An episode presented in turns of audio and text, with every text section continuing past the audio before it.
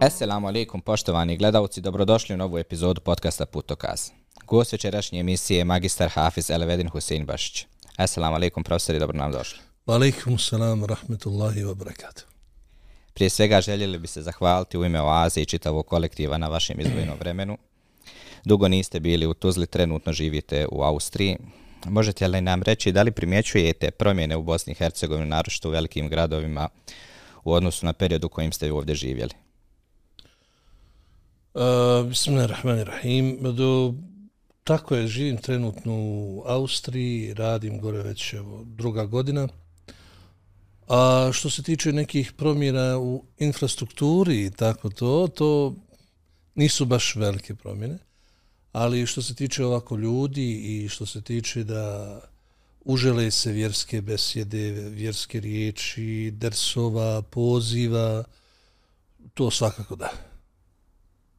Čak što se tiče mene iznenađujući prijatno uh, u nekim dijelom. Mada ja ovdje imam jednu čerku koja ide u medresu u Tuzlu i tu je već druga godina tako da ja navratim ponekad ali ne kao predavač nego onako čisto kao roditelju posjetu. Nadam se u budućnosti kao predavač. Ako Bog da, što da ne? Nekako često u nekim privatnim razgovor, na razgovorima sa ljudima koji se bave davom e, spomenemo vaše ime kao neko koji je čitav život u davi i koji je na neki tih i nenametljiv način e, odgajao mnoge generacije muslimana. Možete li nam reći kako je tekao vaš put ka davi, kako je počeo i koliko traje? Bismillahirrahmanirrahim. Što se tiče e, toga, eh, sad ja vraćam film unazad, e, ima, hvala Bogu, dosta godina da Allah u Kabuli ovaj, primi od svih nas. E, ja sam inače potičem od, iz porodice koja je uvijek bila u džamiju, oko džamije, usluga džami, hođe je uvijek bio kod nas, oko naših porodica i tako dalje.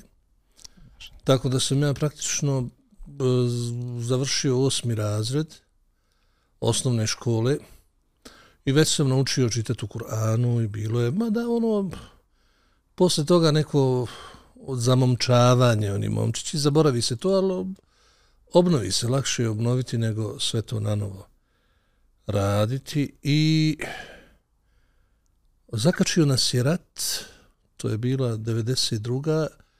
Ja sam bio na selu kod svojih i onda smo godinu dana, godinu i po proveli u Sloveniji u izbjeglištvu, ja, mama i sestra, a otac je ostao ovdje u armiji Bosne i Hercegovine. Tad sam eto završavao baš osmi razred. Trebalo da završimo u maju i nismo stigli, nismo imali tu maturu zbog tih ratnih dešavanja. I onda sam se 94. vratio u Sloveniju, u Bosnu, konkretno u Zenicu. Jer ja sam rođen u Zenici, ali roditelji mi nisu zeničani rođeni, nego su došli tu poslom, odnosno otac 75. je doselio se u Zenicu i tu je posle srednje škole počeo da radi i ostao do penzije, do penzionisanja. Inače, otac mi umro prošle godine. Allah mu se Amin. Vratili smo se u Zenicu, 94. je godina, i tu počinjem, pored mojeg stana, Nova Zenica, to je blizu stadiona tamo, imali smo neki stan, dobili, bilo je to, tad su to bili ratni stanovi, dobijale se privremena rješenja, u mene otac dobio kao vojnik, pardon, kao vojnik armije privremeno neko rješenje za stan u Novoj Zenici i kaže on meni jedan put, hajde sa mnom na džumu. Hajde, možeš, nije. A nisam ja tad, ja sam tad već počeo i šaranje s namazom, jer taj neki period od izlaska iz sela, 92, 94, te dvije godine nije se išlo ni u srednju školu, niti je to bilo, bilo što, to je bilo onako baš dvije godine u vjetar otišle bez veze, ko na nekom peronu, čekanje nečega, šta će biti, hoćemo li se vratiti, nećemo li se vratiti, ili ćemo ići dalje i tako dalje. A otac je cijelo vrijeme bio ovdje u, u Bosni. Kaže, hajde sa mnom na džumu. Ko sad da gledam, došli mi na džumu, bio tu neki centar, e, islamski centar, bilo je to Arapa dosta, ono doba i tako. ja došao, jedni klanjaju, jedni tišu ruke, jedni... Prvi put u životu se sreta, sreo sa tim. Ovaj, prošlo je to jedna stvar, pođem ja i onda, pošto je to bio komšiluk, hajde na jedan namaz, na drugi namaz, upoznam tu neke ljude, upoznam se tu prvi put Jusfa Bačića. Allah mu se smilo. Ovaj, on je tek došao bio u Zenicu, 94. godina. I tako, prošla je tu u tom centru godina i po, dvije, tu je Ših Jusuf klanio, bila je, bila je lijepo i tu se ufatilo malo ozbiljnije. I ufatilo mene, znaš, ono, dobro, kreno ja, odo ja obnoviti sufar. Ja sam već malo bio zapostavio, ono, da osmog razda, ko momčić. I sjećam se sad, ko sad, bio jedan mualim, Edin Đanović, čini mi se. Naš fin čovjek iz Zence i sad živi, Allah da ga sačuva. Ovaj, u Zenci, držao on djeci sufaru. I došao, a ja sam uvijek bio onako malo jači. I sad zamisli sjede djeca i došao ja, još sam malo brado, još malo narogušen, ono, tek ono početak tog nekog iltizama i tako dalje. Obično mora, moraš biti narogušen, ako nisi narogušen u početku, nešto ne valja. e tako je to bilo. I dođe mi ako njega od mene prihvati fino. Vidi me njemu neugodno, nema veze, naviko se na mene. I sa njim ti ja ponovim ovaj, sufaru, I onda u to doba smo sa šehim Jusufom vježbali kraći sure. On je obavezno posle sabaha zahtijevao sklanjanje sabaha i posle sabaha vježbe izgovora. I tu smo prelomili neke stvari, neki jezik. Onda je došao tu jedan jedan e, naš brat koji sad živi u Sarajevu, oženjen bosankom iz Tunisa, magistar Teržvida, Farudin, ovaj, i sa njim smo radili dosta, on je mnogo truda uložio u nas, u ispravljanje našeg izgovora, ali eto, alhamdulillah, sve to skupa. I to je tako bio početak neki. I posle toga došao je e, treći, treći čovjek, Abdul Međid Sudanac, jedan magistar Hadisa u Medini magistrirao, i, sa, i on je oženjen bosankom i danas živi u Sarajevu. Da ga Allah sačuva svakog zla. A ovaj, e, sa njim smo onda počeli ozbiljnije da učimo te neke nauke od 40 hadisa od nevevija, tri temelja, tefsir nekih kraćih sura, fik namaza i tako dalje. Sve to što ide sleduje na tim nekim prvim stepenima vjerske poduke. U to doba, naravno, pardon, škola išla, a kako smo se završavali škole, mene sledovalo, imao sam neke hudbe kao vježbe a, u trećem korpusu armije Bosne i Hercegovine, bili su stacionirani dole na kanalu u Zenici i tako da to su bile neke vježbe. 96. godina i tu negdje počinje taj neki davetski angažman, ozbiljniji malo sa tim hudbama, sa dersovima, sa vjerskom podukom, počeli smo da podučavamo djecu, e, mekteb i tako dalje. I počeli su ramazanski programe, obično ti uz ramazanski programe iftara idu neki dersovi i ostalo sve to po džamijama. Ali 96. godina počinje se pričati o hađu.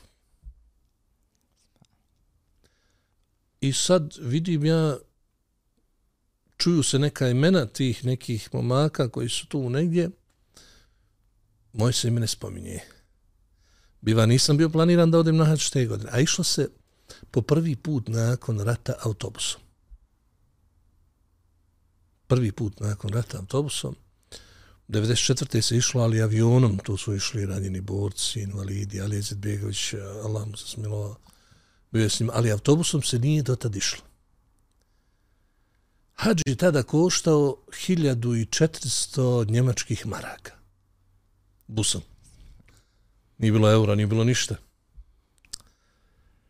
I izašla imena, nema mene, dobro, nema, nisam ja ni očekivao nešto. Sanjam ja u Čimezan. I onako kroz šalu, sutra dan srećemo od jednog eh, Muhameda iz Tunisa, klanja s nama tu, gdje si Muhammede, šta ima tamo, vamo rekao, e, baš sam sanja, sinoć uči mezan. Ja, a kaže, ti, brat, idi naću. kaže me tako, nije bilo pojma, nemam ja ni pasoša, nemam ništa. Kad dođe taj koji je bio glavni za hađ tada, to doba, bilo podnije ili kindija, ne sjećam se, neki dnevni namaz, mene ovako, kaže, imaš li pasoš? A ja sada kažem, nemam, rekao, može biti brzo. da ne bi rekao, nemam, onda re, re, može biti brzo. Kaže, ako može, za dva dana tamo.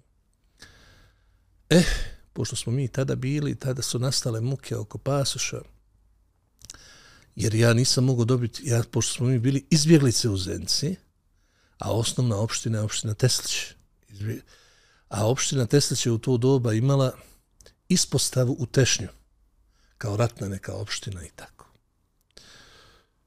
Ja došao mami kući i rekao, mama, ja bi trebao nahađu. Ajde, šta ti je?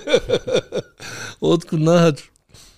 Kaže, Boga mi rekao tako, evo, bilo neke te takmičenja, neke sure, ovo, ono, i mene zvali. I sad, ovo je bilo, znaš, nahač kad ideš u nas to je procedura, ceremonija, to zove se, zove, zove se djede, djede Emko i on je umro, Allah mu se smilo od oca. Ovaj, to niko nije vjerovao, gdje će Jelva Nahač, zvali mene Dobro, šta spasoš, on treba za dva dana da pasoš.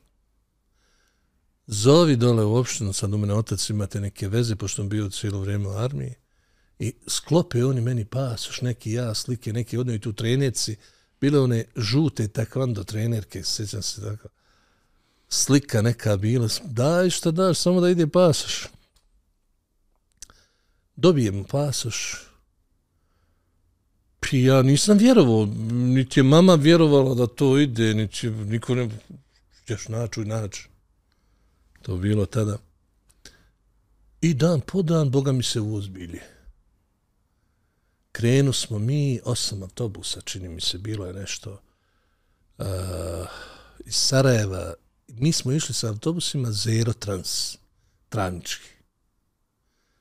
I u autobusu bio Šeh Jusuf i njegova porodica i bio tada, sa mnom je bio Ismir Karaga, bio je, bilo nas je dosta momaka, pokupilo se tu, ono, baš onaj neki, period, zaboravio sam da koga ne izostavim sada. Uglavnom ima taj hađ snimak na YouTube, može da, da, da nađe ko će, 96. Eh, ali te godine nisi išlo preko Srbije, nije to bilo tako lako.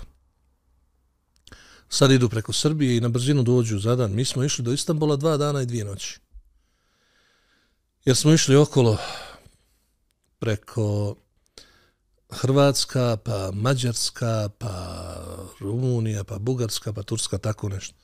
Do Stambola smo mi i moj Jarane išli i namučili se.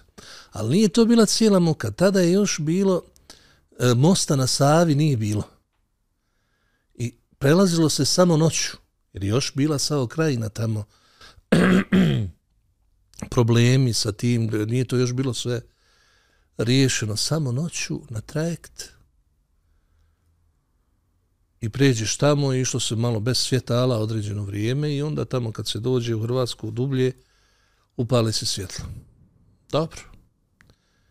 Sve to prošlo, došli mi na granicu, noć je, dolazi Zero i kaže čiji je pasoš izdat u opštinama Republike Srpske ne može proći.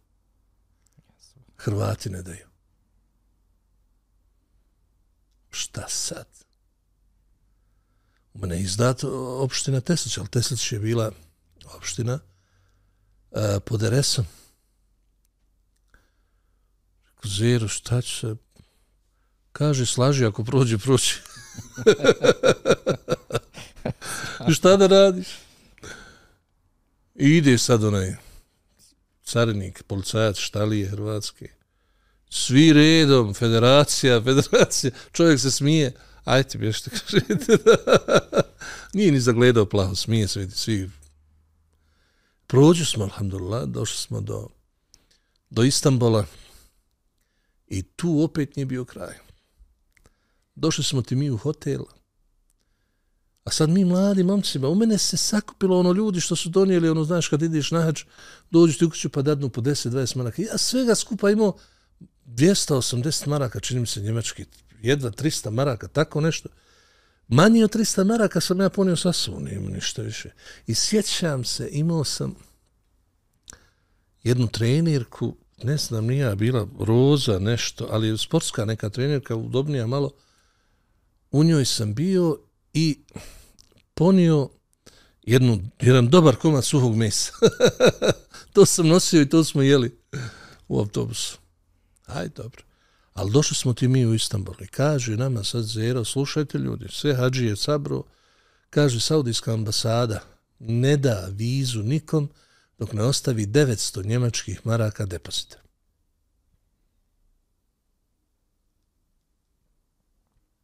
Šta sad? Bilo je nas dosta, bio tu i Jasmin Dizdarević, čini mi se, i ja sam bio, Ismir Karaga, i toko mladi momci, mi smo imali para, pa sad kad mi ponijeli se skupa 300 maraka i otići doći, njemačkih tada. Šta ćemo? Kaže, dajte koliko možete i vidjet ćemo šta će biti za ostalo. I oni odoše, nisu mogli uzeti vize u konzulatu u Istanbulu, nego avionom za Ankaru, a mi čekamo u hotelu. Dobro ostavio ja sebi jedva nekih 30-40 njemačkih maraka. Sve ostalo dao, pa šta bude.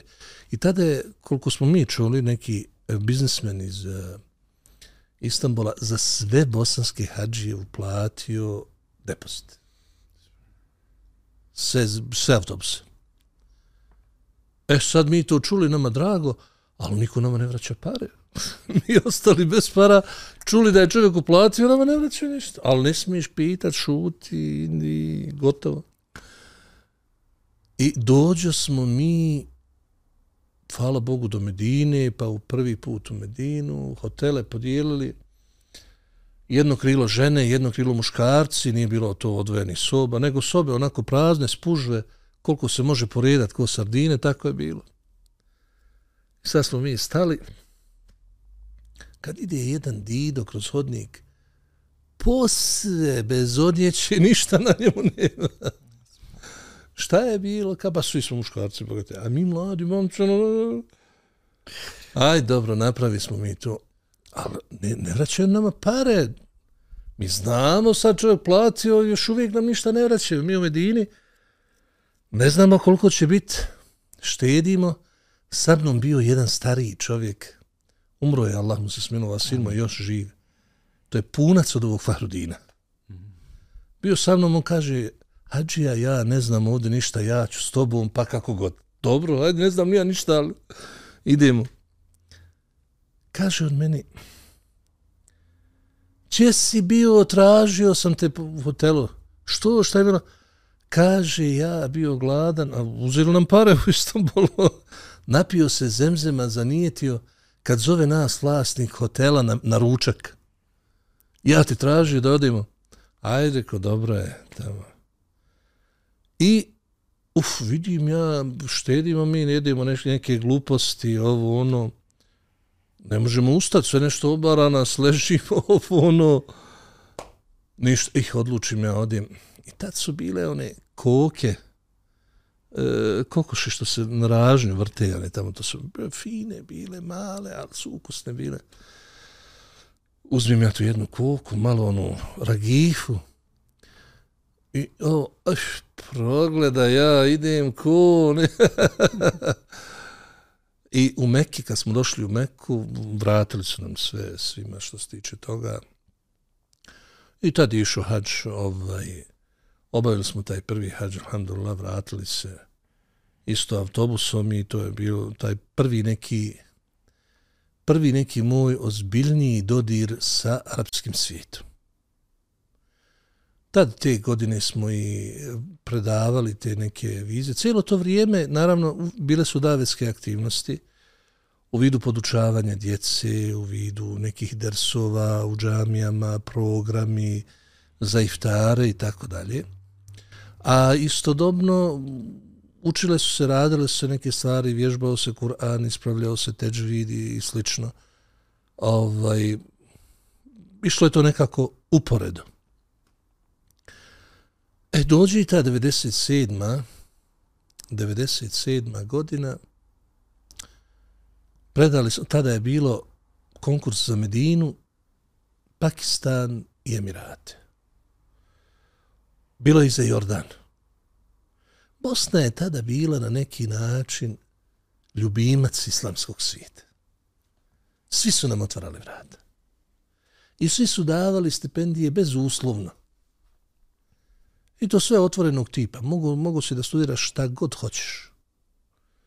Stvarno to što se tiče toga bili smo ovaj, baš onako povlašteni u tom nekom periodu. Uh, nije se puno ništa, brzo su vize išle, karte smo dobijali od države, sve je bilo, sve je bilo zaista na velikom, visokom nivou. Ja sam predao na sve strane. I za ovo, i za ono, pa gdje prođe. Nismo prošli u Medini, nisam ja prošao u Medini. U to doba sa mnom u grupi bio je Elvedin Pezić, prije nego što je otišao u Medinu. On je otišao sa mnom u Emirate prvu godinu. Bio je sa mnom e, u grupi, u stvari nas je, u Medinu je primljen ko je primljen i on je otišao u Pakistanu, u Jordan je primljen ko je primljen, dosta njih. Za Emirate je primilo samo pet. Jer je stipendija takva bila pet Albanaca, pet Bosanaca. Albanci iz Albanije, ne sa Kosova. Znači pet Albanaca, pet Bosanaca i to je bila stipendija. U tih pet Bosanaca bio sam ja, bio Alvedin Pezić, bio je Emsad Pezić, e, bio je Jasmin Đanan i bio je Ibrahim Hočić.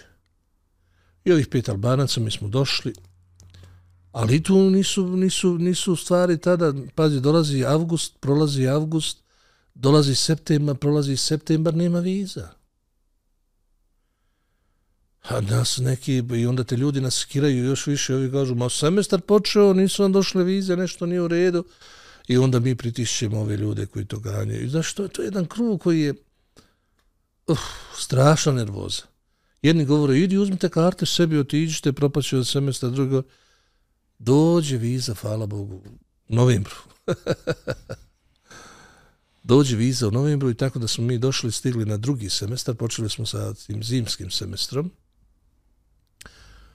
I tako, to je prošlo, došli smo u Emirate, smjestili se i onda dolaze ti prvi koraci sa učenjem arapskog jezika. Došli smo ti mi tamo kao, pazi, Emirati nisu zemlja poznata po tim studentskim stipendijama. Oni su to, eto, izašli u susret onako, Jer oni nemaju pripremljenog arapskog jezika, čovječe. Kao sad u Saudiji imaš e, institut, dvije godine, četiri semestra, učiš e, knjige, fih, te... Mi došli, kažu nam, evo ovaj, što je ostalo, još jedan semestar, to je to. Šta sad?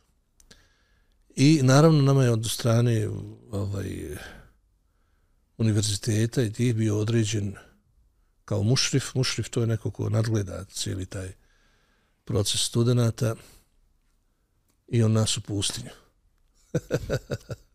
Pošalje nas među beduine.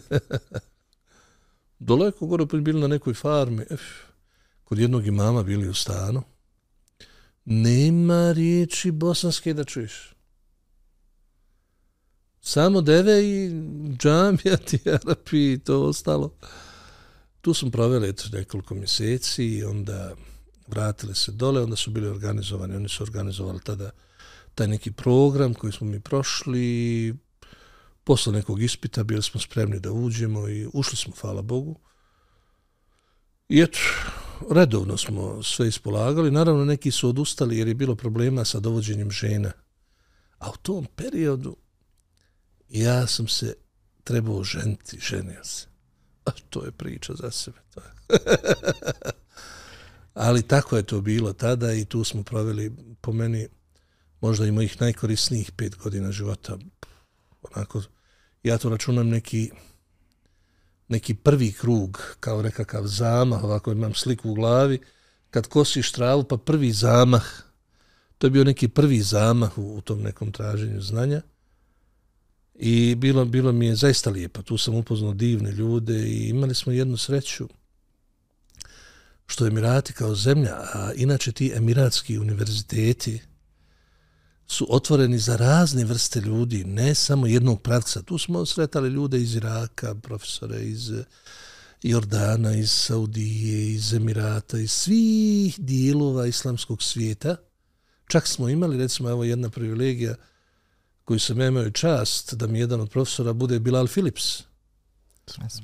Ovaj, on nam je bio jedan od profesora koga su doveli da nas uči engleski jezik i da eto malo sa njim imamo te neke susrete. Još jedna privilegija recimo donekle da je jedan od profesora koji nas je učio Teđvid bio sin od Abdulbasta Abdusameda. Njegov sin. E tako neki stvari kad se sjetim ovaj, bilo je, bilo je, bilo je jako lijepo. Pogotovo mi smo tu bili blizu. Emirati, inače su zemlja gdje imamo sedam tih Emirata. Ebu Dhabi i Dubai, to uglavnom znaju svi, ali ima jedan Emirat, zove se Šarika, koji je blizu tu Ađman, Šarika, to su dva Emirata skoro skupa zajedno. Mi smo bili tu na granici između ta, tromeđa Dubai i Šarika, Ađman. E, tu je bilo to je jako, jako lijepo. Tu je, tu je dolazila ulema iz, e, recimo, tu smo upoznali Sudejsa, imama, tu smo upoznali Šurejma, na njeg, tu je dolazio Mohamed Hassan iz Egipta, recimo kralj, odnosno emir tog emirata Šarika, on voli slušati Mohameda Hassana iz Egipta i on pošalja avion po njega za džumu, on dođe u glavnu džamiju, održi džumu, napravi sa njim televizijsku emisiju i avioni nazad u Egipat. Jer inače taj uh, emir tog uh, Šarike, on je jako pobožan čovjek. Prvo jako kulturan čovjek voli kulturu i voli i zato taj emirat odiše tom nekakvom i vjerskom i općom kulturom i civilizacijom zaista. Salam alaikum i od mene si. Ali sam malo sam vam ukro emisiju. Šutim, šutim. Stvarno, mi kad smo pripremali emisiju, e, većinu ovih stvari smo saznali od nekih drugih insana i htjeli smo mm. da ih potenciramo, ali eto, subhanala, zaista si pogodio ko da, mm -hmm. si, ko da si znao. Ja bih volio da se, da se vratim samo kratko na, na, na tri stvari ovaj, vezano za, za ovaj vaš odgovor. To je prvo, kad ste rekli, uh, baba me pozvao na, na, na džumu.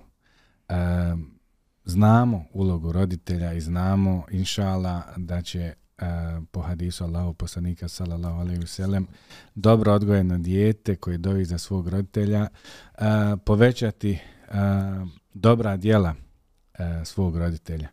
Ali i da roditelj bude sebe e, upute ili ta jedna prva, prva, prva vrata koja se otvori, to je možda u tom periodu komunističkom ili sada je već postkomunističkom nakon, nakon rata ili u toku rata bila rijetkost. Vjerovatno ona je nešto što, jer je ta generacija bila um, pod snažnom indoktrinacijom komunizma. Pa me zanima uh, taj, taj osjećaj um, kad te roditelj pozove u džamiju ili kad roditelj bude ta, ta neka prva stanica, koliko je to značilo vama u, u poslije kad, kad insan stekne određeno znanje i, i kad zna vrijednost toga da ako Bog da kroz svoj rad i kroz vaš trud da im ste svjesni i da ste kao dijete, ali kao nekoga koje, koje koje je bio uzrokom da, da, da, da ta insan stekne dobra djela, da se i vi trudite još više jer ide inšala na, na vagu vašeg, vašeg babi, sav vaš taj trud u, u smislu rada za Allahov vjeru. Pa slušaj, ja bi, ja bi cijelu tu priču stavio u jedan hadis. La tahqiran min al ma'rufi shay'an. Nemoj omalovažiti ni jedno dobro djelo. La tahkiran. A pazi, ovdje baš došlo teukid. La tahkiran ne. Ovaj nun ovdje. Nemoj da ti pada na pamet. Potvrda, je. Ne znaš šta će pokrenut lavinu. I u kojem pravcu? La tahkiran min al ma'rufi šeji'an. Bilo šta. Eto, u ta doba šumena otac a, može se srstati u tradicionalni muslimane, bo, bošnjake, koji su držali do svoje vjere na način koji je poznat kod nas. On je bio armiji Bosne i Hercegovine. Posle penzionisanja bio je, umro je na, u, na funkciji mutevelije u našem mjestu, u našem selu i tako dalje. Ali nikad čovjek zaista ne zna ovaj, šta, nekad osmijeh, nekada lijepa riječ, nekada, eto, hajde sa mnom i tako dalje. E, izazove. da, izazove lavinu, baš lavinu, Jest. baš lavinu, dobro. Allah da, Allah da ga nagrade, Allah da mu kabuli. Amen. Sve ono što ti radiš i mm. da vas poji u dženetu Firdausu. Drugo moje pitanje vezano za, za taj prvi susret sa Mekom i Medinom. A, a, kakav je to osjećaj izaći iz, iz ratne Bosne i Hercegovine, bukvalno, to je 96. godina, jer se stvari nisu mirile, i doći na jedno mjesto, često sad vidimo i kroz vide i, određena ono, o, o, uh, priloge gdje se obradi neko i hađom ili umrom i stvarno je to emotivno, emotivno. Ali u tom momentu izaći iz jedne takve, ajmo reći, atmosfere i doći ono, ono dole oazu duhovnosti, mira. Kakav je, kakav je bio vaš prvi susret sa, sa, sa Mekom i Medinom? Taj ulazak u poslanika u džamiju, prvo viđenje Kabe? Da, mi smo prvo došli u Medinu, da. Prvo smo došli u Medinu i meni je u glavi i sad svjetla. More se tala, znači to je bilo nevjerovatno za... Znači kad ulaziš sa parkinga i ti pogledaš tamo, to je sve sjelce do sjelce. Ja uvijek kad dođem, ono okretanje autobusa ovako vidiš svjetla, znači samo svjetla, svjetla, svjetla. To je nevjerovatno. I sjećam se tada, prvo što sam uradio, kupio sam ono pakistansko odijelo, ono jeftino plavo, svjetlo plavo, ono. To sam ovaj obuko i hajde. I nisam znao tada da se u Medini uče dva ezana. Ima prvi ezan, ima drugi ezan.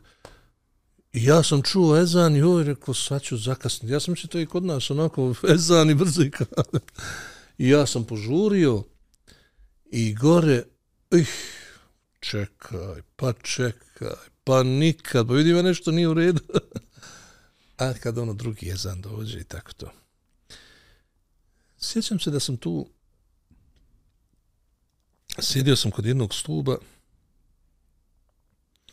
I stvarno za, za naše neko poimanje, kad prvi put sam se susreo, najčudnije mi bilo to dugo čekanje između Zana i Kamita. Ma se zna, jedva sunete da sklanjaš, ako malo oduliš, ne stić, ide i Kamit prije. A tamo je stvarno pusti vremena dosta. I sjedio sam i tad sam negdje možda i, i prve stranice sure Bekare zapamtio i naučio na pamet od jedan put tu kod tog stuba. Čekajući. I nije, zapamtio sam tada, čekalo su nešto i dvije, tri strance. Onako ponavlja, ponavlja. I onda sam tu vidio da može. I gdje, mada nismo tada, tek smo naučili čitati, ali tu sam, tu su mi neke dvije, tri, četiri asocijacije kad, kad pomislim na, to, na, na taj prvi susret. Prvi susret s Medinom. A što se tiče Mekke, a, da budem iskren, obavio sam stvarno više puta hađi to nekako na hađu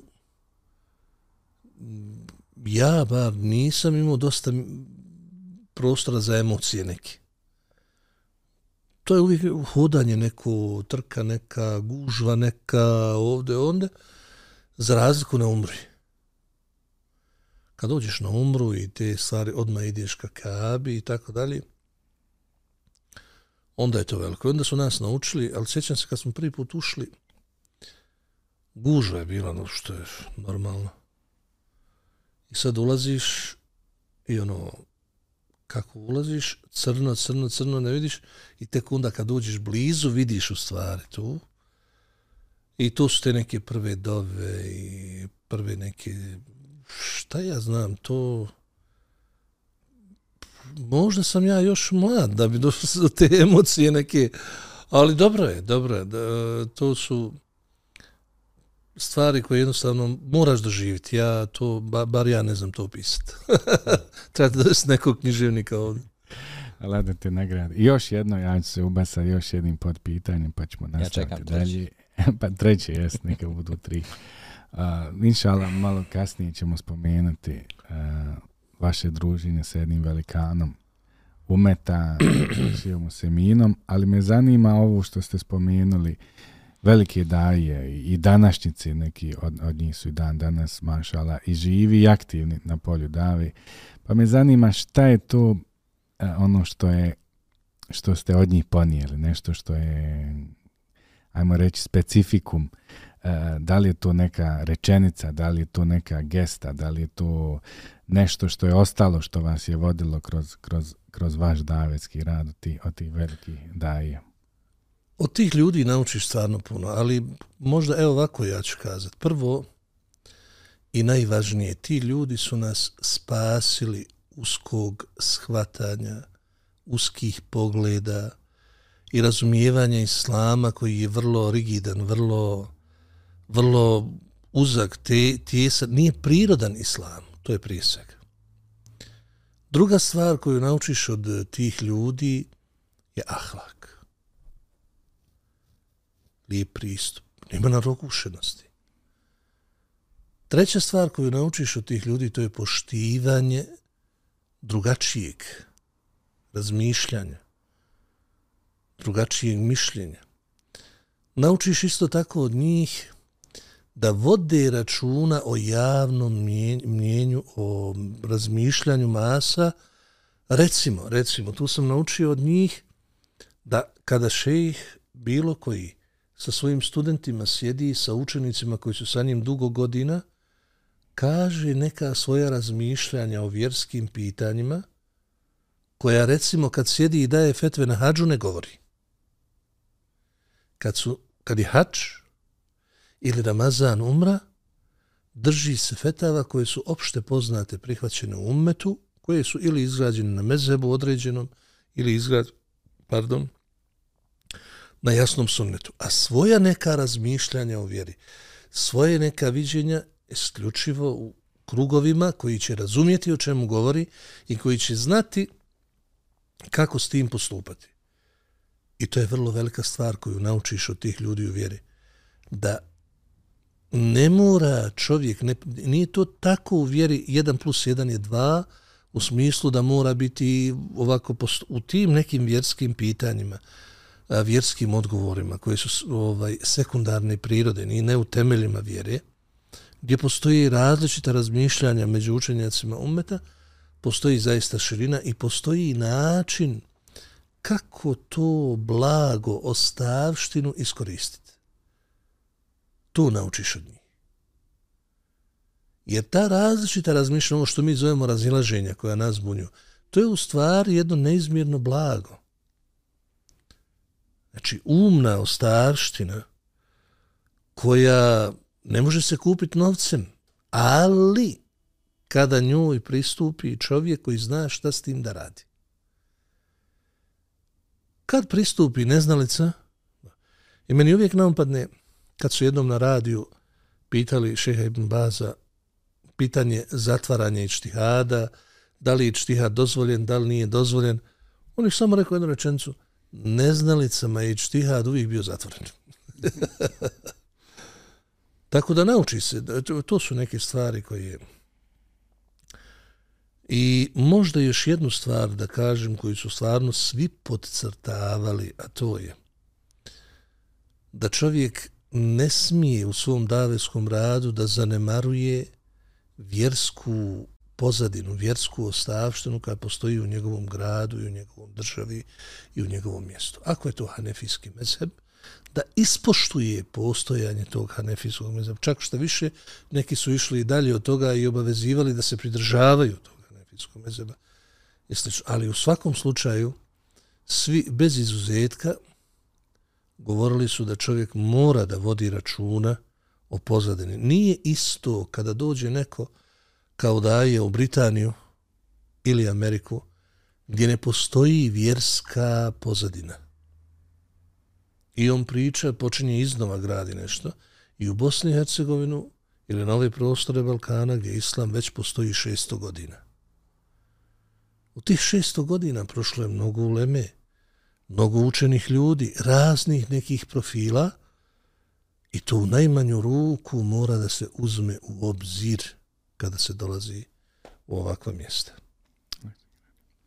Allah da vas nagradi. Nekako pitanja koja ste Pa pripremili, već ste na neka odgovorili. Pa bi ja... Ima još ženitba, pa ima još... Ovaj, I to je prvi zama, pa ima drugi zama, pa sad ako Bog da treći, pa... Eh. Alhamdulillah, alhamdulillah. E, posebno moram istaći e, šeha Usejmina, kod kojeg ste išli na predavanja tokom raspusta. E, možete li nam objasniti kako su izgledale te posjete i susret sa velikanom ovog umeta? Što se tiče, evo ovako ću ja to početi to pitanje. Kad govoriš o tome, meni odma u glavi kasete. Brdo kaseta. Tad su to doba bile one kasete, ni CD-ova bilo, nije bilo to kakve. Bile kasete. Prva neka, ja sam bio na neki način e, opčinjen tim nekim skup... Ne, ne, neću reći opčinjen, nego baš sam bio zagrižen u skupljanje tih kaseta, ali nisam ja sakupljao dersove, nego komentare knjiga. I prvi ozbiljniji komentar na koji sam ja potrošio mnogo novca, mnogo para, to je komentar Umdetul Ahkam od šeha Šenkitija. On, I to, to je njegov komentar koji je držao u Džidi. On je inače u Medini živio, ali u Džidi držao taj komentar. Zove se ovaj Šerhu Džidde. Dobili smo mi neki poklon paket, tu je bilo 46 kaseta, tahara i nešto namaza, ne cijeli namaz. I sad je meni to bilo, gdje je ostalo, gdje da nađem ostalo, kako to sad nema? I ja sam ti tražio po Saudiji, tražio sam u Emiratima, I tu i tamo, ovde 10, ovde 20, ovde jedno poglavlje, sabirem ja kompletan šerh. 210 kaseta. 210 kaseta, cijeli umdetul ahkam, donesem ja te kasete i kući u Bosnu. I ovaj, sad su te kasete stavljene na, na jedan CD ili čini mi se dva CD, ja ne sjećam se. Umretu Lahkam ima ga na CD-ovima. Sad je na internetu može se skinuti i besplatno. Ali ja sam tada potrošio, sjećam se jedna pošiljka 100 dolara me koštala u ono doba iz Saudije da donesu te kasete. Umeđu vremenu dok sam se ja bavio tim kasetama, to je negdje 97. 98. Dođem ja do nekih kaseta, bukvalno to mi je bilo otkriće nekog, kuda sam otkrio neko blago, veliko to su kasete od Ibnu Sejmina. Nisam znao ko je to tada u ta doba. Ču, mislim, čuješ ti, tada je bio, čuješ Ibn Baz, čuješ ti imena, ali ne znaš šta, kod, kako. E, inače sam Ibn Baza vidio uživo jedan put. Na hađu 96. Evo to sam zaboravio, sad mi ne pade. Ovaj jedan Arab bio s nama, kaže, hajde, hajde sa mnom, ja ću vas odvesti do, do, do Ibn Baza, hajde. I bila je gužva, mi smo malo zakasni do njegovog šatora i mi dođu smo on pred auto. Eto, vidjeli ga tu, kod auta, on tu. Malo vojska, ne možeš mu prići ovo ono. I ode, tu smo ga vidjeli i nisam ga više nikad vidio uživo u životu. Ušli smo u njegov šator, a tamo oni sakupljaju hrpa, oni ceduljica, pitanja. To se njegov šator. A Ibn Sejmin našao sam ti ja njegove kasete, ako se sjećam, bio je Šerh Bulugul Maram ili Kitabu Tevhid, ne sjećam se. Jer ja sam nisam skupljio dersove, nego samo komentare knjiga na kasetama. Dođem ja, bilo jedno radnja za tešđilat, snimanje kaseta, maksuz, dođeš, kupiš, platiš, naručiš, torbica, Bulugul mram, e, Kitabul Buju o kupoprodajama. Vako torba, to kaseta, more. A nema mi ni para puno, treba to kupiti sad. Stipendija 900 dirhema bila to... Eh, žena bila ovdje u Bosni, ovaj, nije bila sa mnom. Tako da ja tu stipendiju sve na telefone potrošim. A telefon je posebna priča. to možda i nije za priču, ali hajde. Uglavnom,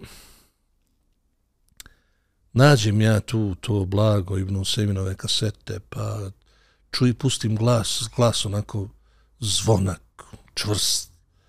Ja, čovjek govori, znači, o ovom pitanju ima devet mišljenja, čuj, devet mišljenja. Mi do tad navikli ono, može, ne može, halal, haram, nije samo vama. Devet mišljenja, u, pa proširuje, pa proširuje, pa ovo, pa ono. I tu počne ta priča gdje smo mi godinama, znači, baš ono uz njegove knjige, komentare dočekivali, tražili, naručivali, pritiskali ovog vlasnika da donosi iz Saudije. Tada on imao u Neizi, u njegovom gradu, ovaj, baš imao jednu firmu koja je isključivo bavila se snimanjem njegovih dersova. Sve je bilo i sve je bilo dostupno po niskim cijenama, neko je to finansirao i tako. I onda došli su ti Ramazani, e, mi smo Ramazanom uglavnom išli na umru i tako, i tu su bili ti, on je uvijek uz Ramazan bio u Mekke, držao dersove posle Sabaha i posle Jacije i tu, smo, tu sam bio uživo ne kao njegov učenik ili nešto tako, nego eto bio sam na, na mogu reći, u tim prilikama da, da budem na ne, nešto dersova šeha i da budem uživo. Kada je bila negdje 2000-ta, 2001 ja i još jedan albanac, Sejmir Ismaili. On je sad imam u Tirani tamo. E, Sejmire, šta ćemo? Kaže on, hajmo mi kod šeha, kad znaš, mi trebali ono diplomirat, završiti. I kad uzmemo diplomu, mi smo planirali kod šeha u Neizu. Mi smo mi razmišljali o vizama, mislili smo na umru, pa ono, znaš, malo da dođe tako. Međutim, tad se šejh razboli i nije potrebalo dugo, valjda taj kancer pluća, šta li je bilo, ne znam, to vrlo brzo ovaj, ide. I posle dijagnoze nije prošlo dugo, kaže umro šejh. Rahimahullah. I tu je ostala, ostala je ta želja, odnosno naša namjera neispunjena, ali eto, alhamdulillah, 2013. pa na ovam, 2014. Otišao sam u, u Neizu, u Buredu, u Kasim, to područje, i bio sam kod njegovih učenika. Ne kod njega, ali kod njegovih učenika. I bio sam u džami gdje je klanio to, mislim, klanio. I tako da i to na neki način malo dužim lancem prenosilaca, ali... Došlo se do cilja. Riješeno. Inače, šeheh, rahimahullah, rahimahullah, rahmetan vasija, bio je jedan od rijetkih koji je imao taj Eh, kako bi rekao, edukacijski pristup, nije to bio klasično vjerski ona priča, dersovi, nego baš edukacija i on se je posvetio tome, a to je on u stvari naslijedio od svoga šeha koji je počeo taj put, utro taj put, a to je šeh Sadi.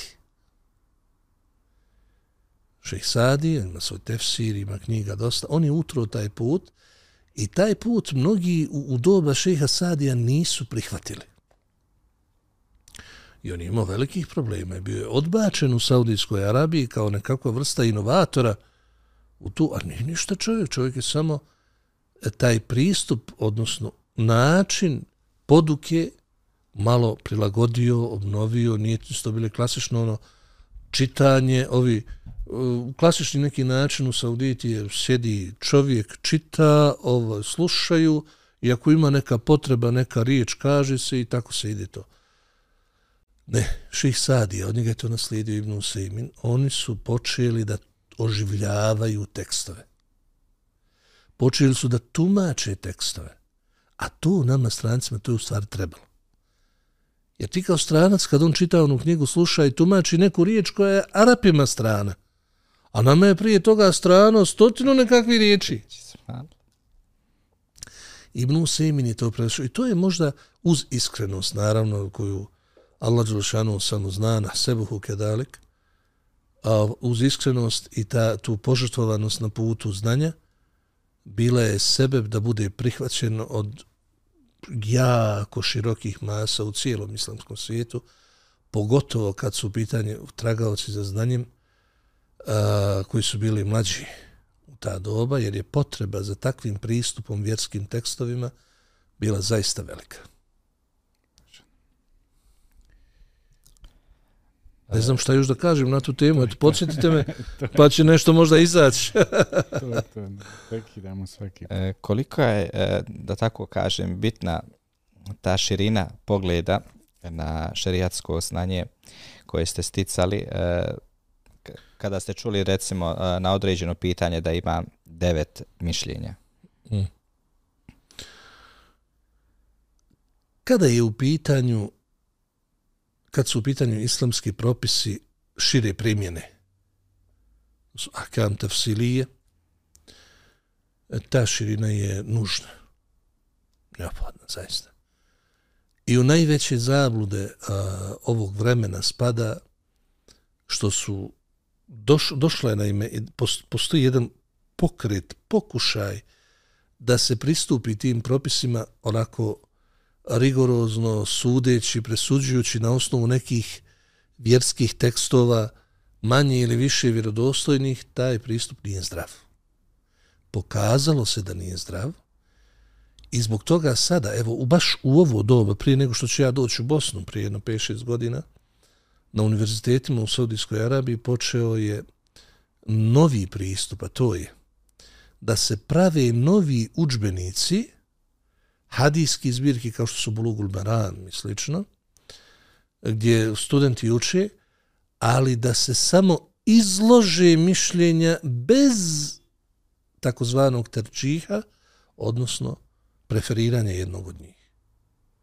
Jer se postavlja uvijek pitanje ko preferira to mišljenje? Ti, ako, žel, ako dođeš, recimo kad kažeš imaš Hanefis, Hanefije, Šafije, Malike i tako dalje, ko si ti da sudiš među njima čoveče? To tvoj trđi. Ako nije tvoj, onda nečiji tuđi. I to se desilo 90-ih godina. Ljudi su ginuli za tuđi trđi, ne za svoj. Jer za svoj nisu bili sposobni i onda su fatali se za, za, za trđi svog šeha, nekog od kojeg su učili, koji možda i nije bio na nivou uopšte da sudi među tim mišljenjima i razmišljanjima koja postoji. I to je bilo jedno veliko, veliko pitanje koje kola već više od 20 godina u e, islamskim krugovima i koji zaista jeste bio veliki problem. Ne, nije problem sam po sebi.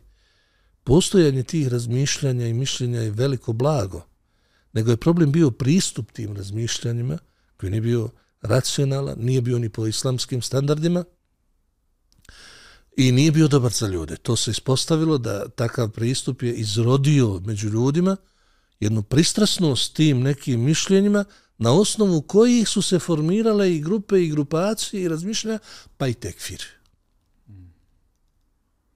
Pa i tekfir. Apsolutno bezrazložno. Nisu ta mišljenja i razmišljanja kriva, nego pristup tome svemu. I onda su došli ljudi koji su uzeli par tih nekih razmišljanja koja su koja postoje u umetu, nisu problem uzeli su ih kao jedine validne i počeli su i da vole i da mrze u ime toga. Ko je s njima na tim razmišljanjima, njihov je. Ko nije protiv je i nevjernike ili mnovotarije ili slabu vjeri. To je neka blaga varijanta. Popustio, jel? Jes. znači, nije, ponovit ću još jedan put, razmišljanje naših učenjaka ogromno blago. Pazi, to su čovjek provede u, u vjeri, recimo Ibn Bas, rahimahullah, proveo je 60 godina sa Bulugul Meramom. Bulugul Meram, knjiga hadisa o propisima je od Ibn Hadžera. To je oko hiljadu i po hadisa. Nikada ni na putovanju, ni na nekom drugom mjestu bez te knjige. 60 godina. Ano čitajući, tumačeći i njegov pratilac, jer on nije vidio, svaku pauzu iskoristi za bulugu Maram.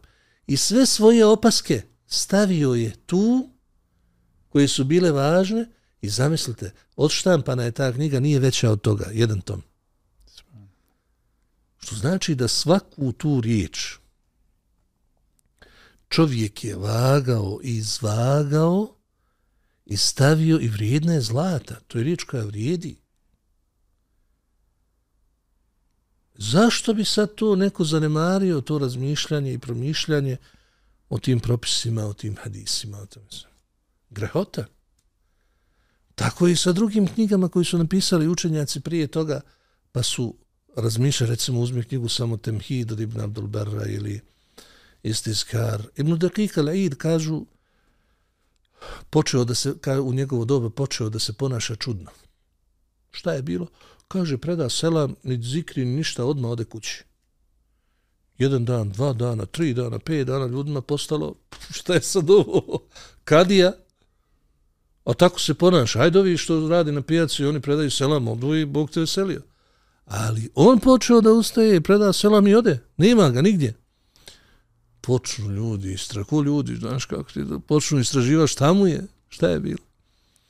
Kad saznaju oni da je on nabavio knjigu Istiskar od Ibn Abdulber.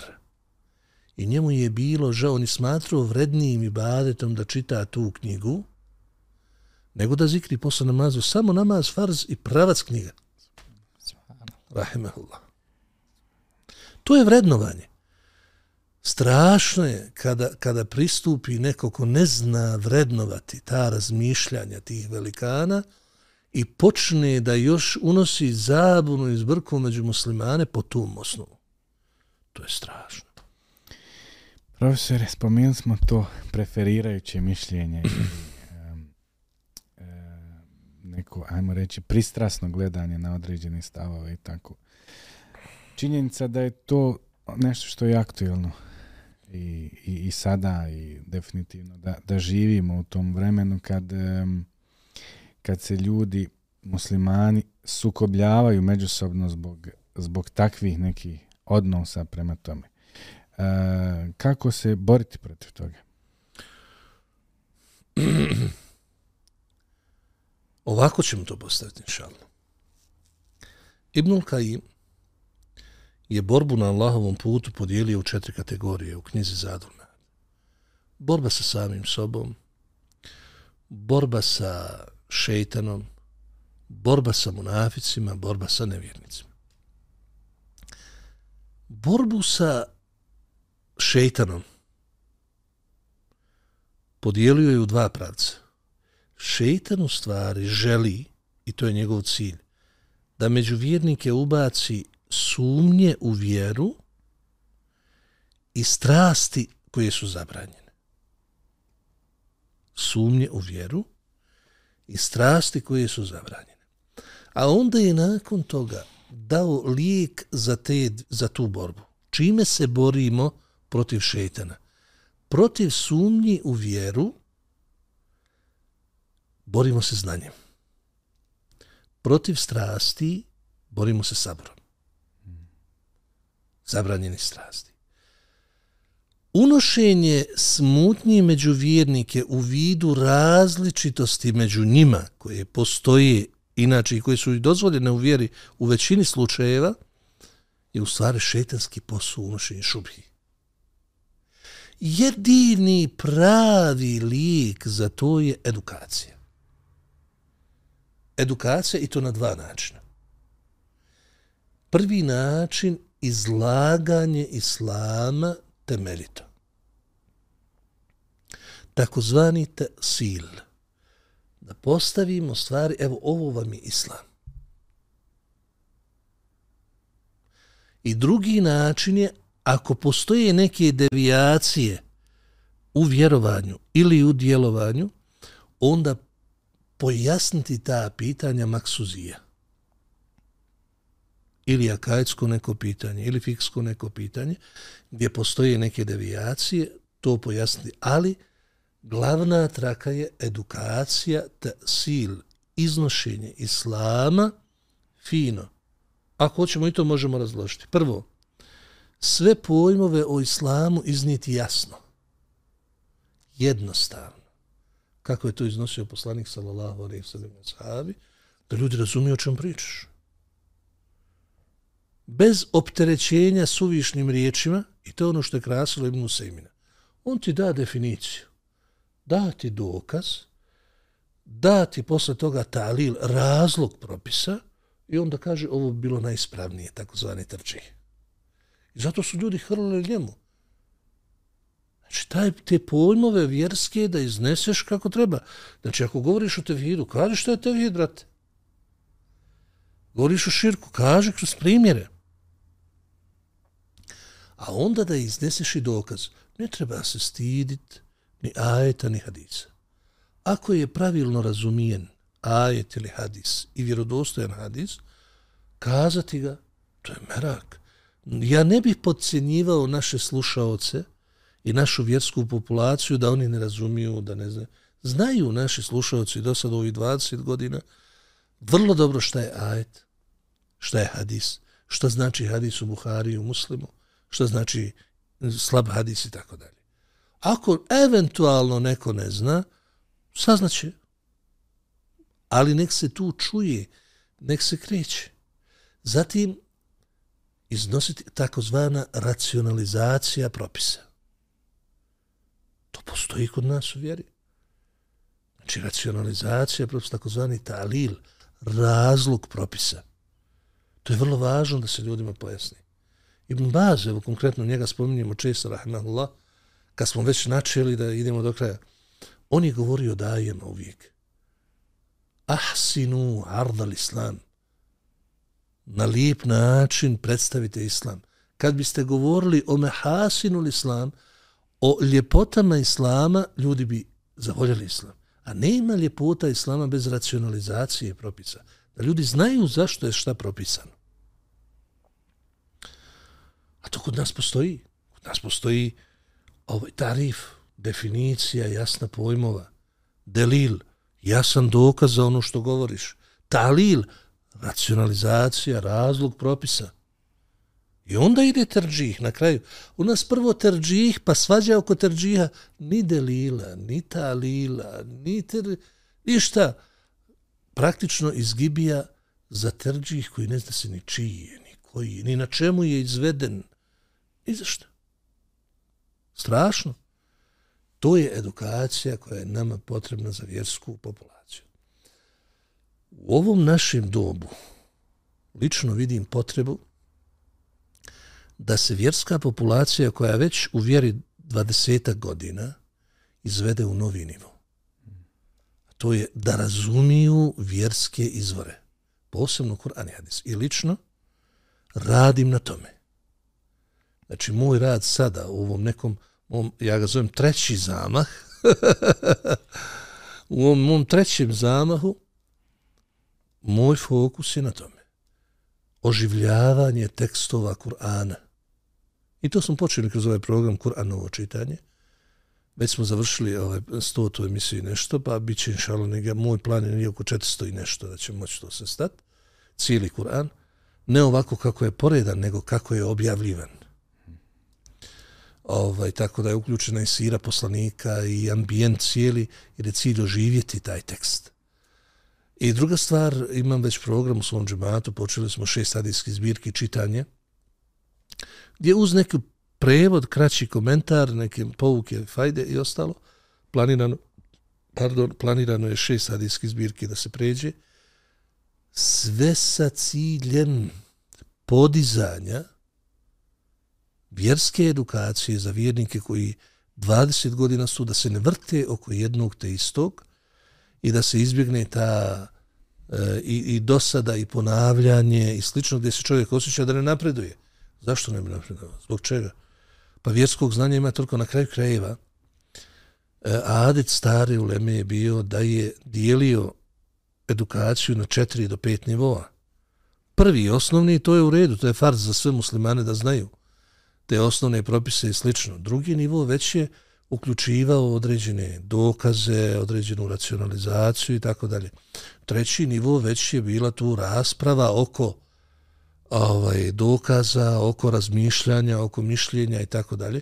Četvrti nivo pogotovo uključivao je raspravu svim relevantnim razmišljanjima. Ne možeš sada svako ko je nešto rekao, ko nije ni, ni što bi rekao, ni Lukio, ni lukom smrdio tu, da svašta je rečeno u 1400 godina, ali onaj ko, ko vrijedi, čije mišljenje vrijedi i vrednovanje, spominje se, pa se spominju tu i po devet i po deset mišljenja, razmišljanja, to je taj četvrti, i peti, peti nivo bio bi, znači, te velike neke enciklopedije, da se iz njih uzme ono što je vrijedno i što je, što je, što se može uzeti kao zaista pravo znanje.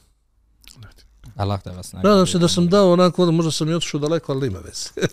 Upravo nešto o čemu mi često pričamo ovdje i ovaj, polemišemo na tu temu i drago mi je mašala da, e, da se ide u tom smjeru, da se prepoznale, evo mi govorimo često da, da ono, ima ljudi koji su 15-20 godina u davi, u islamu, uče vjeru, dolazi na predavanje, ali zadržao se na tom nivou osnove, ajmo reći. Greška je to, to je, kako kaže Ibn Kajim, na ovom svijetu, na Dunjaluku, ne postoji stajanje na jednom mjestu. Ti ako si stao, to je nazadak. Znači, samo stajanje je nazadak, tako da je to e, šteta za njih.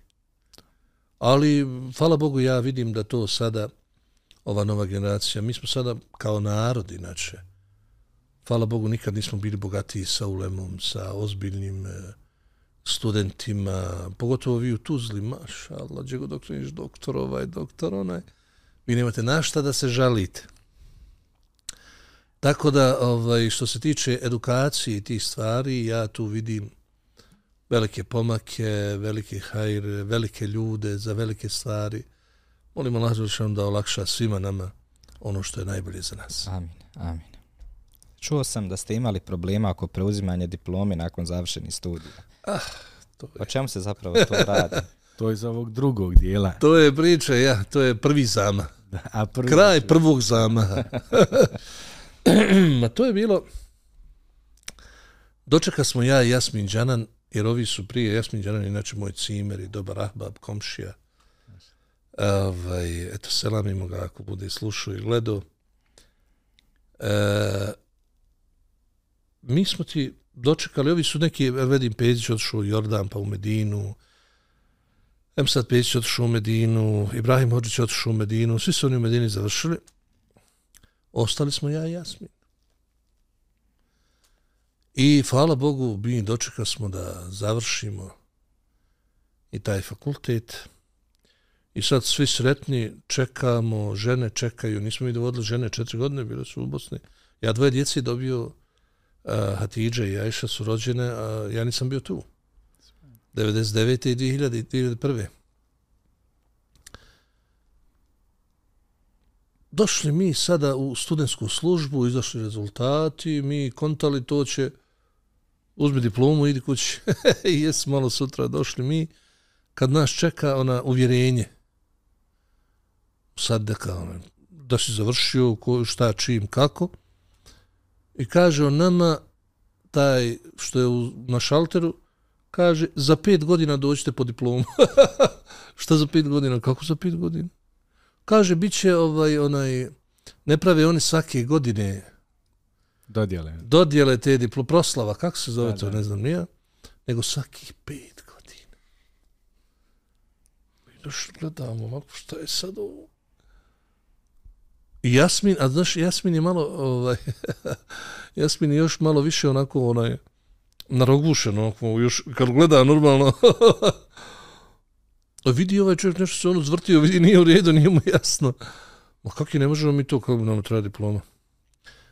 Da skratim, mi smo došli do dekana za studente, da, kako, prodekan za nastavu, ili kako se već zove, ne znam. Šef studentske službe, uglavnom ka, on nama, pa momci, pa ovako, pa onako. Na kraju on nije znao šta će s nama. Mi smo njemu rekli, ne možemo nostrificirati diplo, ovaj, diplomu bez diplome. Ovo nam ne vrijedi ništa. Kaže, kako ne vrijedi, ovdje se radi normalno, završi, uzme tu uvjerenje i radi. Oh, dobro.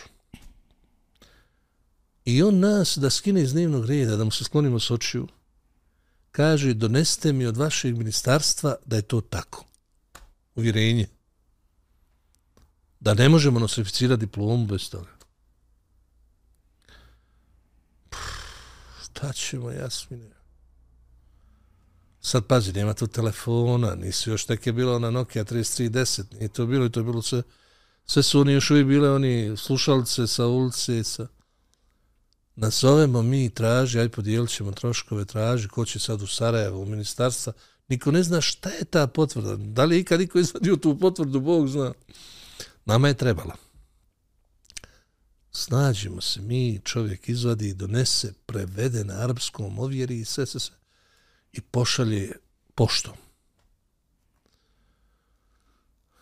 Mi do, kod njega mi donijeli, on ne može vjerovati da smo donijeli. On je u stvari nije njemu trebalo to, nego on nas je htio samo da se riješi. Kaže, ja, dobro. Pa kaže, ja vam ne mogu dati diplomu. I šta ćemo sa? Mi smo svako jutro, jasnim pogotovo, probudimo se, i kod njega pred kancelariju, bila ovako neka klupica. Kad došli mi jedan dan, naredio da se skloni klupica. da ne bi sjedli. Jasmin je sjedio, na kraju čovjek je dotužilo mu kaže, slušajte, evo vam diplome, a potpise i pečate tražite sam. e, onda je počela priča oko direktora, ne možeš doći do direktora. Direktor imao neki veliki oval gore, ne znam nijako, I sad oko njega ima tri, četiri neka lika, šta radi tamo oko njega, ne znam, da li su sekretari, da li ovo, da li ono. Ko ose? I jesi li došao, šta hoćeš, šta tražiš, šta treba? Pogotovo studentima, neće i tu blizu, znaš, to je kao. Ono Dobro. Mi svoj posao, mi svoj. Stajali tu. I ufati čovjeka, Jasmin ga jedva vidi kod auta. Pošao čovjek u auto da uđe, kaže, momci, šta treba? I mi njemu ispričamo, kaj, što niste rekli, uzeli kolovku? Potpisa, idite, kaže, gost sekretaru. Završeno. Tolike muke za... Jer mora on kao direktor potpisati. Jer onda, dobi smo mi to, poslije Jasmina ovaj, otišao, to riješili smo ambasadama, ministarstvima, to ovjerenja okolo bilo je. Alhamdulillah. Ono što naši gledatelji sigurno ne znaju uh, jeste to da ste, uh, da tako kažemo, prve halke održali u Zenicu i prvi daje uh, današnji su, eh, da tako kažemo, naučili prve korake pred vama s tim da su eh, iz, se izrazla želja kod njih da nastave svoje islamske studije u arapskom svijetu. Možete li nam reći eh, koje su to aktivnosti koje ste pokrenuli povratkom u Bosnu i Hercegovinu? to je bila, znaš kako, to su bile baš nekako nezgodne godine. Znači, mi smo zadnji semestar, zadnji semestar naš, pošto smo mi bili zimski, zadnji semestar treba da krenemo da odradimo, imali čekiranu kartu preko Istanbula 13. septembra 2001. Dva dana prije toga dogodio se 11. september. Znači, svijet je bio stao. Zove, zovu ljudi iz rodbina, odavde, odavde. Pa jeste ludi, tamo će to sad sve da zdrobi, da ovo, da ono. Jasmine, šta ćemo? Nazovi se sami, ostane. Idemo. Mi smo krenuli iz Sarajeva, nikad lakše nismo prošli. Znači, niko nas nije pogledao, ni u Istanbulu isto da je svijet bio stao. Svi bi stao i to ti. Dobro. Došli smo mi, semestar nekako pregurali, sve to uzeli. Ja sam se vratio u Bosnu, znači, januar 2001. zima. Ja sletio u Sarajevo.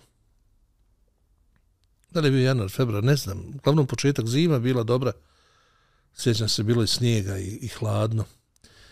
Kad onaj taksista, ja ušao u taksi na aerodromu, pa da idem do, auto, do autobuske stanice, kaže on meni, vidi s bradom i ovo ono, kaže, e, vala, nisu ono trebali raditi, brate.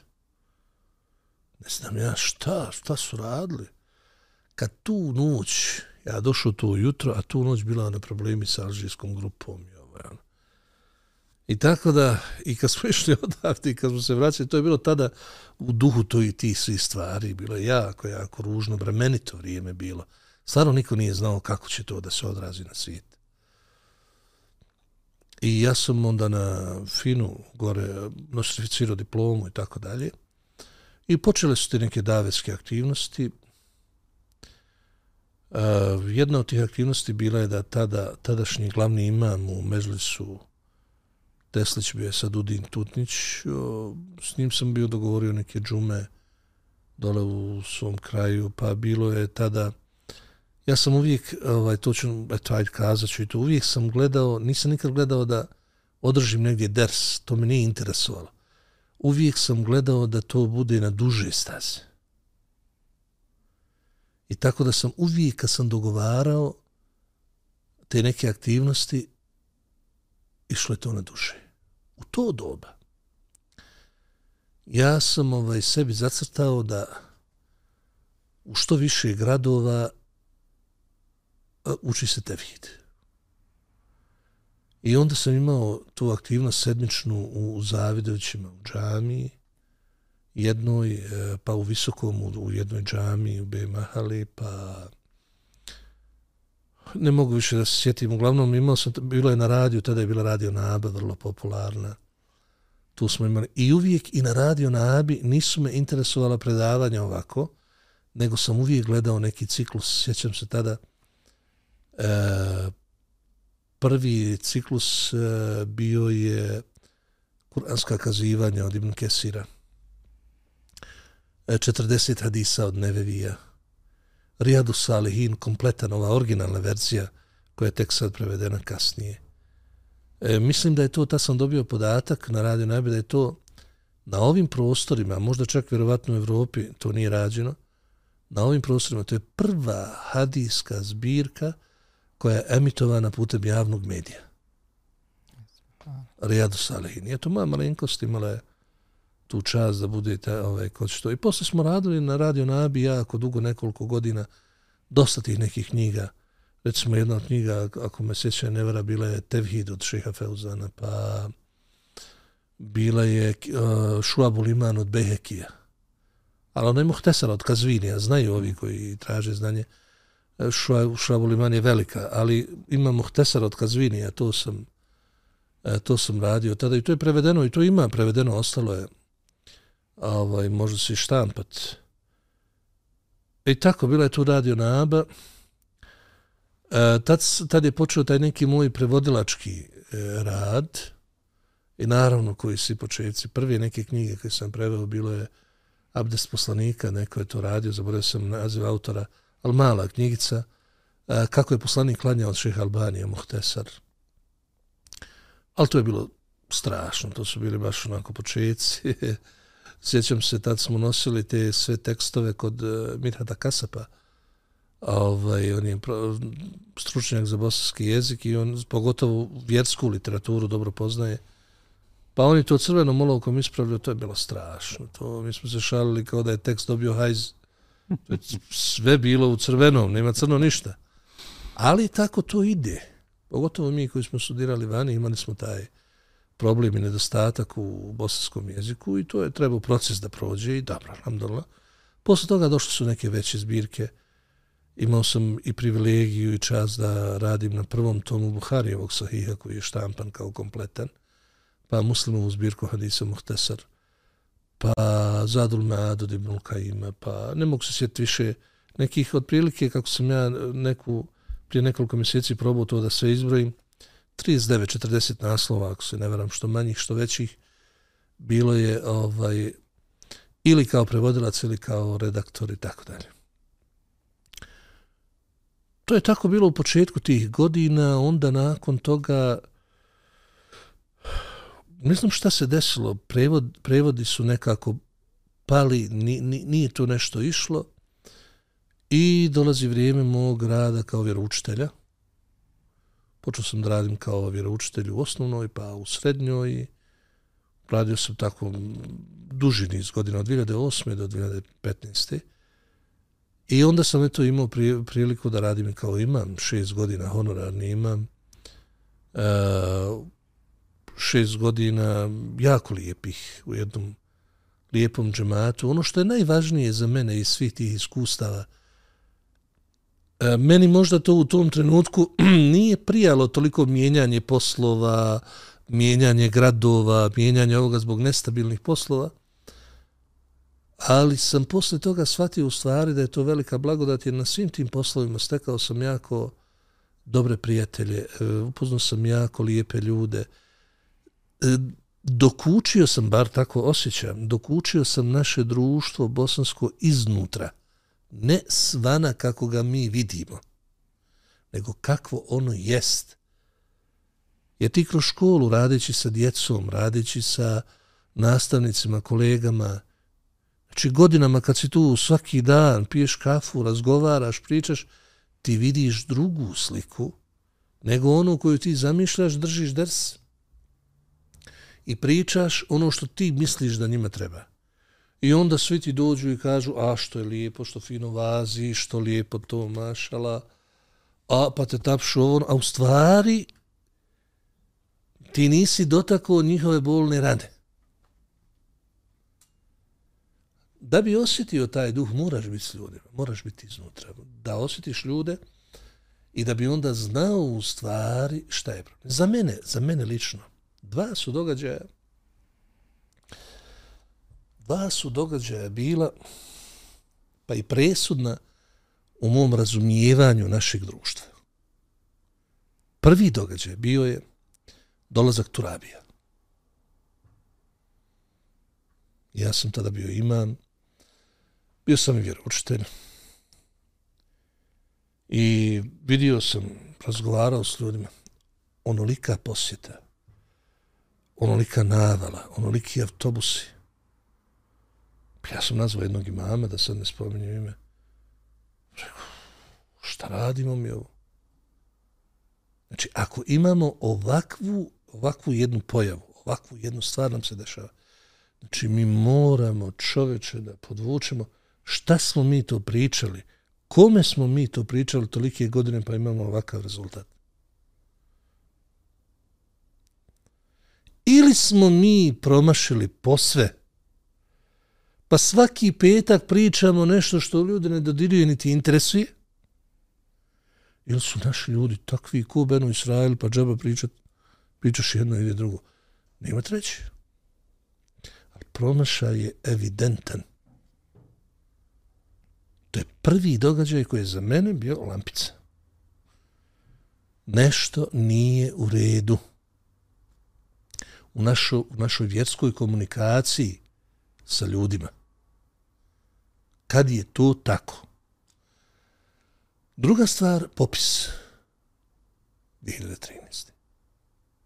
Ja sam tada bio i vjeroučitelj. I bio sam, bio sam i imam, či, još uvijek i tada. To je bilo negdje blizu, čini mi se, tih godina negdje, možda u godine dvije razlika. I ja sam vidio tada našu društvenu svijest, našu nacionalnu svijest, naš ovaj, odnos prema identitetu vlastitom od kojeg zavisi budućnost i zemlje i nas kao naroda i vjere islama na ovim prostorima, bio sam strašno razočaran. Prvo razočaran sam bio sviješću ljudi, a onda sam shvatio u stvari da je problem kod vlastodržaca. Jer oni ako vladaju 20 godina i drže ministarstva obrazovanja koja su inače najveći isisavači novca iz budžeta, i nisu za tih 20 godina naučili ljude kako se zovu, kojim jezikom govore i razliku između nacije i vjere, je problem. Jer je cijeli teret praktično pao edukacije minut do 12 na islamsku zajednicu. I da islamska zajednica drži da uči ljude nacija vam je bošnjak, vjera vam je islam, jezik vam je bosanski, tako dalje, tako dalje. Što je poražavajuće, to nije posao islamske zajednice. Znači, neko je tu u ovih 20 ili 30 godina debelo zakazao u toj e, društvenoj svijesti, a to je ovaj u stvari posao obrazovnog sistema. To ne može da radi vjerska zajednica i nije njim posao. Može da doprinese, to je okej. Okay. Ali da ona bude stup te edukacije, to ne. Tako da te dvije stvari su meni ovaj, bile lampa, da nešto debelo nešto ima u tim procesima. E sad, šta je konkretno? To je za istraživanje. Znači, svako nek vidi, nek analizira. Znači, nikad se više o vjeri nije govorilo. Nikad se više o vjeri nije pisalo. Nikad se više vjera nije praktikovala. A opet imaš jedan takav propus, jedan takav kiks, kao što je odlazak na takvo jedno mjesto, jednom običnom sihirbazu koji, koji se vidi da jest. I sada, evo recimo, i kada su u pitanju i društveni neki procesi i ta edukacija svijesti ident, o identitetu, ja ne znam šta treba da, da radi ovaj obrazovni sistem ako neće ljude prije svega naučiti ko su, šta su, odakle su, kuda da idu i tako dalje.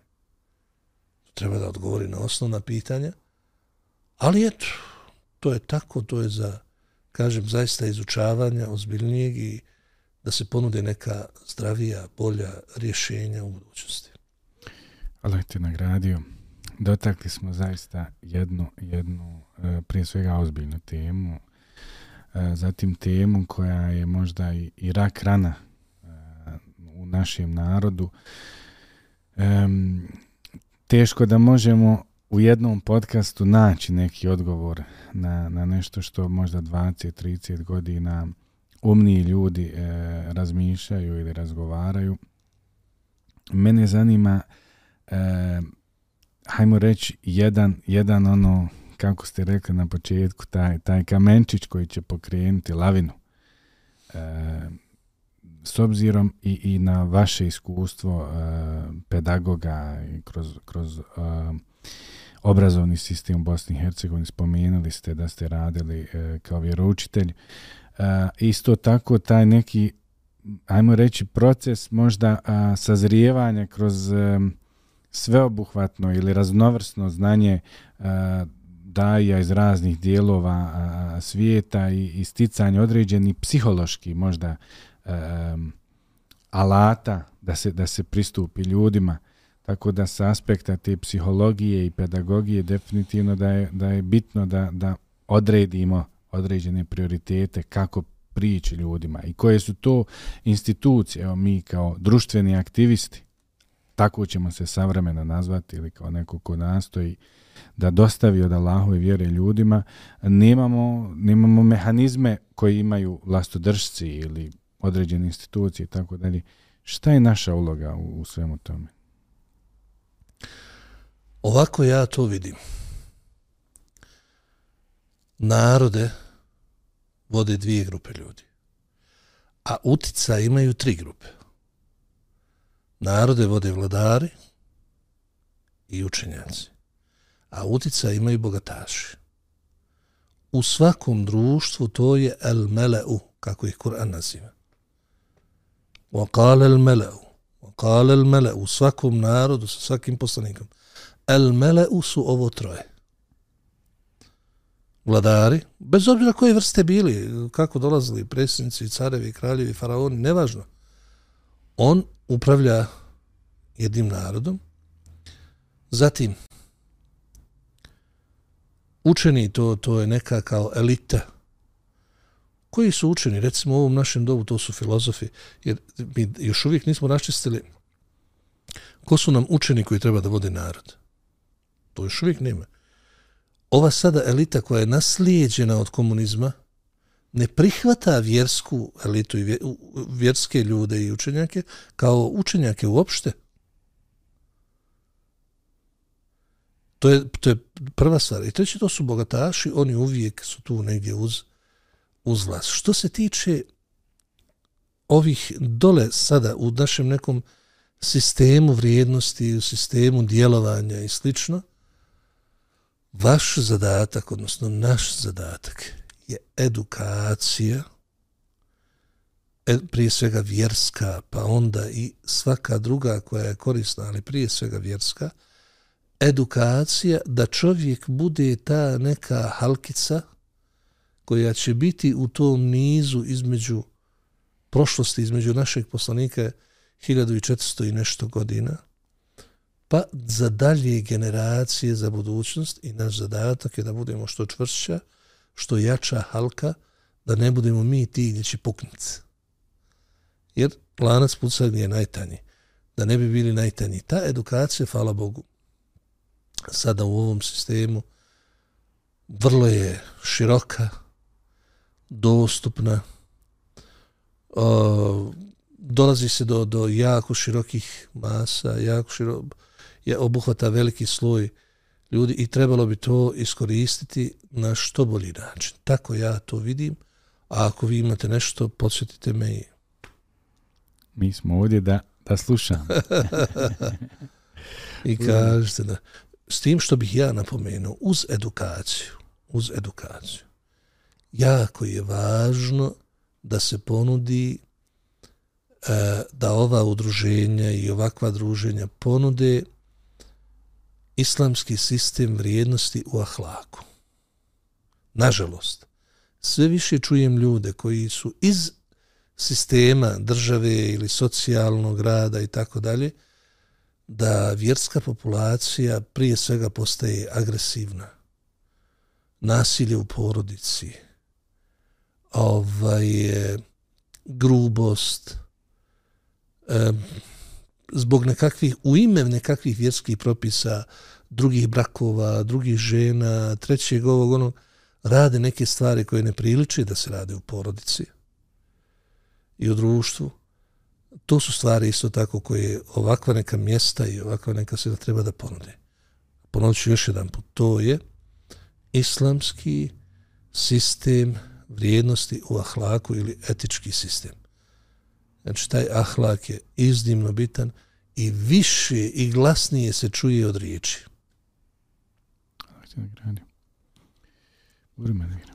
Šeh, spomenuli ste da ste bili vjeroučitelj. E, kakva iskustva nosite iz tog perioda i to ste se dotakli. E, koliki je, da tako kažemo, značaj islamske vjeronauke u obrazovnom sistemu naše države? Iznimno veliki. Iznimno veliki. Iznimno veliki. Prije svega kada je u pitanju vlastiti identitet. Evo samo jedna stvar. Mi sad primijetimo ljude, generacije koje su odrasle u komunizmu, da imaju jako veliki otpor prema vjeri i vjerskom. Svake vrste. Ne samo islamskom, nego prema vjerskom uopšte. A to je posljedica obrazovnog sistema koji su prošli. Ili vojnog sistema koji su prošli. Gdje su sistematski odgajani i ubrizgavano im je u svijest i podsvijest da je vjersko nazadno, da je to prošlo, da je to izrabljivačko, da je to opijum za, za mase, za narode i tako dalje i tako dalje, što sve nije bilo. I mi sad vidimo da te generacije vrlo su kritične i vrlo onako ispod oka gledaju sve ove neke vjerske procese koji su dobri i pozitivni kod nas u državi i u narodu. Za razliku od generacija koja su odrasle uz vjeronauku. U najmanju ruku ubijen je taj otpor prema vjeri. Odrasli su sa vjeroučiteljima od prvog do devetog pa i u srednjoj školi. Znači, ubijen je taj otpor prema vjeri. To je veliki korak, vjerujte mi. Imaš sada generacije koje vjeru ne gledaju kao neprijatelja. Za razliku od tih koji su odgajani da je vjera najveći dušman što može biti.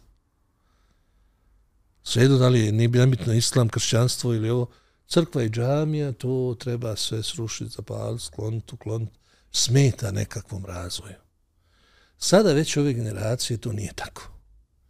Imaju osjećaj za vjersko, imaju osjećaj za vjeru, imaju osjećaj za vjeroučitelja i tako dalje. To je jedna stvar. Druga stvar, mnogi od te djece posle škole zaista lijepo prihvate vjeru i kad se smire, krenu putem vjere i slično, ostavi to dubokog traga u njih, pogotovo na djetetu. Treća stvar, a, koja je važna u tom procesu, a to je da razvije se kod te djece osjećaj za umjerenost u vjeri. Jer obično naša islamska zajednica i vjeroučitelji, glavni imami koji su zaduženi za te vjerske procese, paze ko će im biti vjeroučitelj i obično to ide nekakvim umjerenim procesom i mi vidimo da ljudi, djeca koja su prošli taj obrazovni proces, bili u vjeronauci, jako rijetko padaju u tekfir i u te neke ovaj, zastranjene ideje koje su ekstremne u te ideje e, ekstremne obično zapadaju ljudi koji nikad u životu nisu prošli vjerski, vjersku naobrazbu. Nego dođu iz nekog razloga, desi im se nešto u životu, ulete u vjeru ko padobranci i u stvari oni sav svoj nekakav, nekakvo ponašanje kafansko iz diskoteke prenesu u vjeru i to još obuku u vjerske neke propise, koji izvitopere i pogrešno razumiju i tako se ponašaju oko kabadahije u vjeri. To se obično djeci koja su prošlo, prošlo tu edukaciju ne dešava, jer su već ufatili taj a, umjereni islam vjerski sistem. To je, to je jedna stvar. Isto tako djeca, a, djece koja prolaze u školi vjeronauku, po našim statistikama, jer mi su svake godine slali E, E, koliko djece statistiku slali u Međlis e, i u druge neke instance u Ministarstvo obrazovanja, otprilike je pola više, pola djece je više na vjeronauci nego što je u Mektebu. Znači u Mektebu bude negdje, recimo na jednoj opštini oko 2000, a na vjeronauci prođe vjeronauku, vjeronaučku naobrazbu oko 5000 i nešto, recimo u opštinama u kojima sam ja radio. Znači, skoro duplo više nego u Mekteb što dođe djece i prođe kroz školu. Jer većina roditelja, recimo, dosta roditelja ne šalje u Mekteb u redu, ima taj neka, vrsta nemara, ali kad je već dijete u školi, ne voli da mu dijete hoda po hodnicima. Da. I on njega dovede na vjeronauku, ne, samo nek nije na polju. I onda vidi da to nije ništa strašno. Šta? Ja sam imao dođu Hrvati, ljudi, kažem, može li ovaj, Efendija da, da sjedi moje dijete samo da ne hoda po kafićima? Pa može što da ne dijete sjedi, razgovara sam ništa, niko nije nikakav problem. Šta? Znači, uz prisustu roditelja imao sam takvi slučajeva ovaj, gdje roditelji zahtijevaju, nek sjedi dijete tu, nemoj da ovaj, i sve sasvim u redu. To, to je Bosna, to smo, to smo stari mi. Ali da vas nagradi. Mi smo pripremili profesore još otprilike ovoliko pitanja. Jesam se ja raspričao više nek što je trebalo. Nije, ali ćemo, ako Bog da nastojati da, da, da nastavimo, inšala, i, i sljedeći A imam ja još priča, nije to ništa. Ovo je tek prvi zamah bio. Aha, ovo je zamah Ima za, drugi za koji je bio u Kasimu. imamo, imamo, to smo pripremili. A treći, da ne govorimo, to tek treba da bude, inšala. Jest, je zaista, voljeli bi da malo porazgovaramo i o tom periodu Kasima i o toj e, imamskoj ulozi. A to je ja jako, jako važno, jako važno, jako važan period, pogotovo za mene bio u jednoj fazi života koja je bila baš onako prelomna i, i zdravstveno i psihički i svakako, tako da mi je ta faza bila jako bitna. Inšala, nadam se da ću imati priliku. Ja ću postaviti dva pitanja, Elvira će ostaviti ovo zadnje, a ova dva ću spojiti u jedno. E, naročito ističete, nismo se puno dotakli, nadam se inšala sljedeći put da hoćemo s vašeg e, naučnog opusa. Na, naročito ističete značaj e, znanosti akidetski i često to potencirate e, kroz, kroz vaš rad.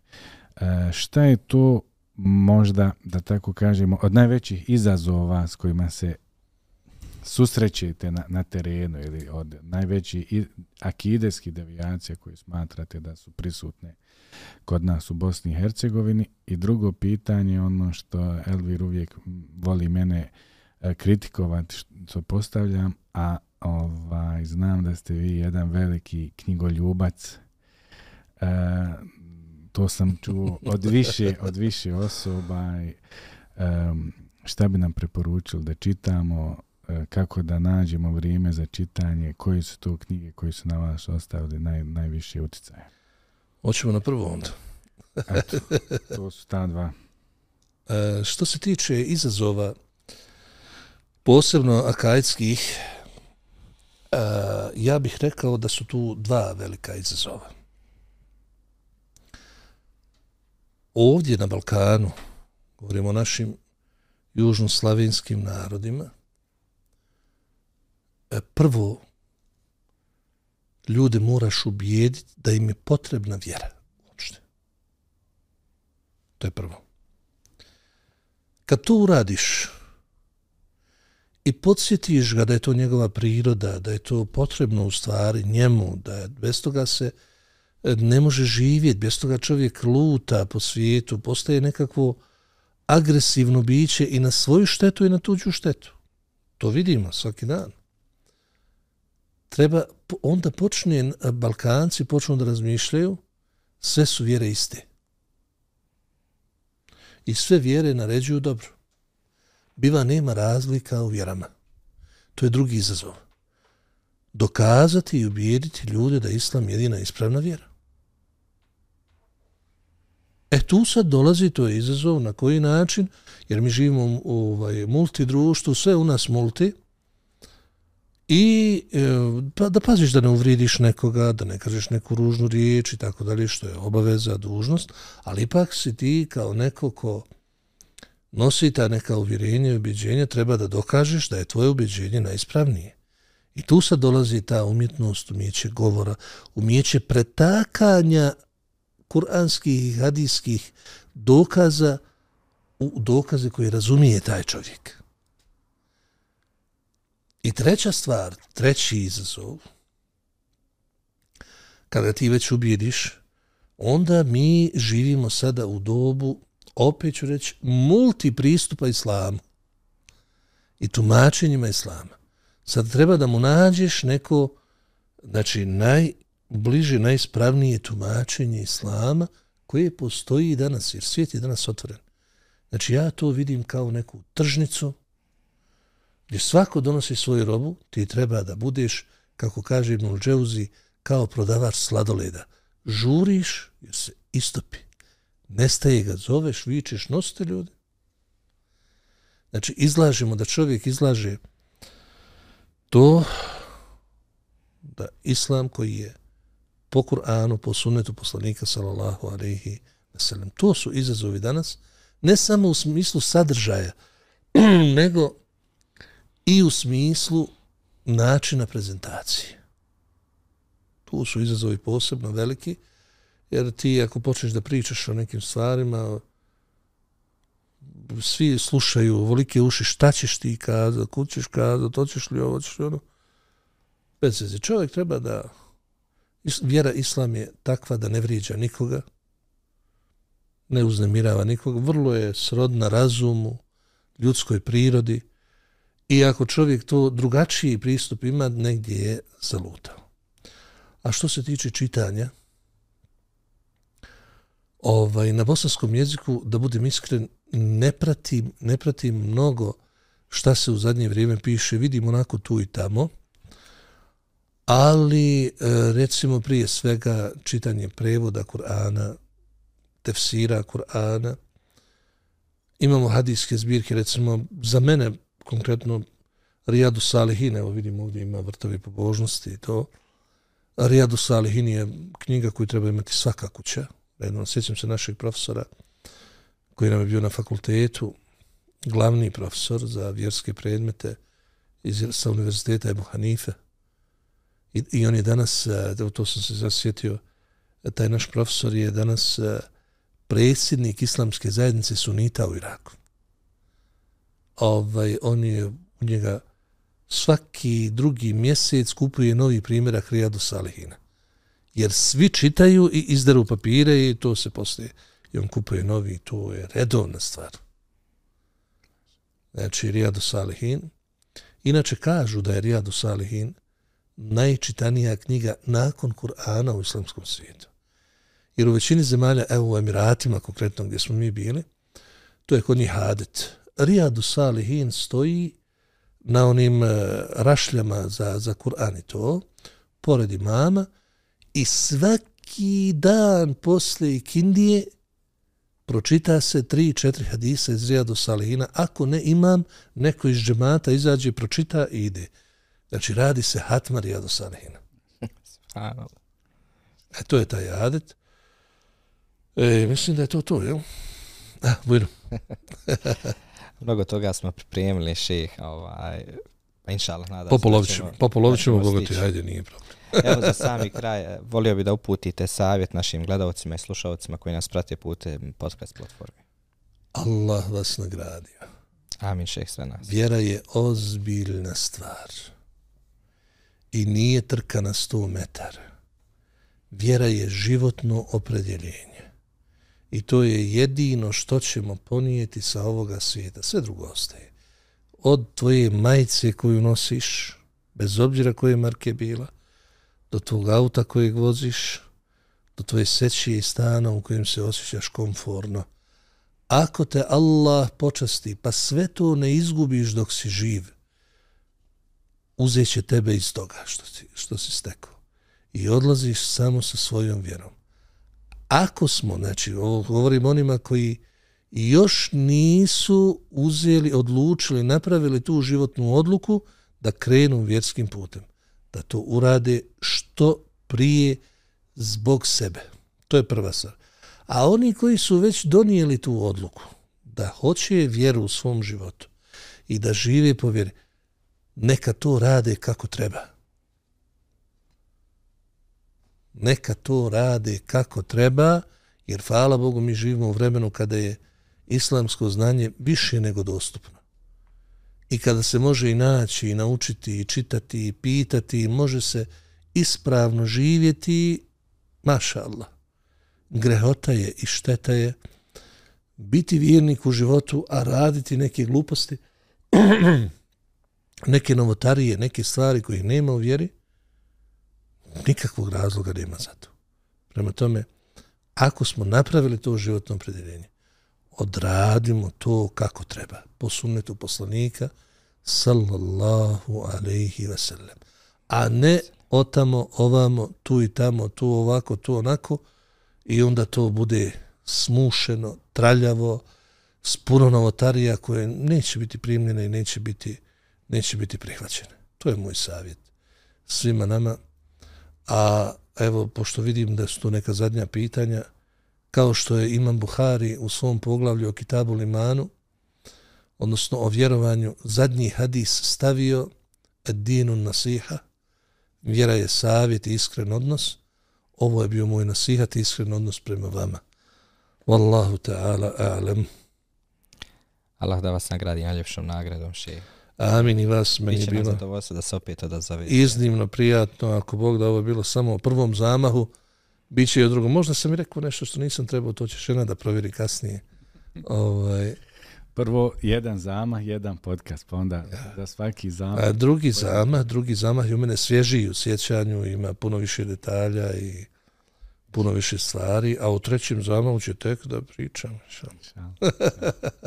Još jednom hvala vam še. Hajakumullah, ovaj, zaista mi je iznimno zadovoljstvo. I meni je prvi put da radim, ovaj, meni je u stvari prvi put da radim ovakvu vrstu emisije, ali bilo mi je prijatno i lijepo i tako malo su neke stvari sjetio.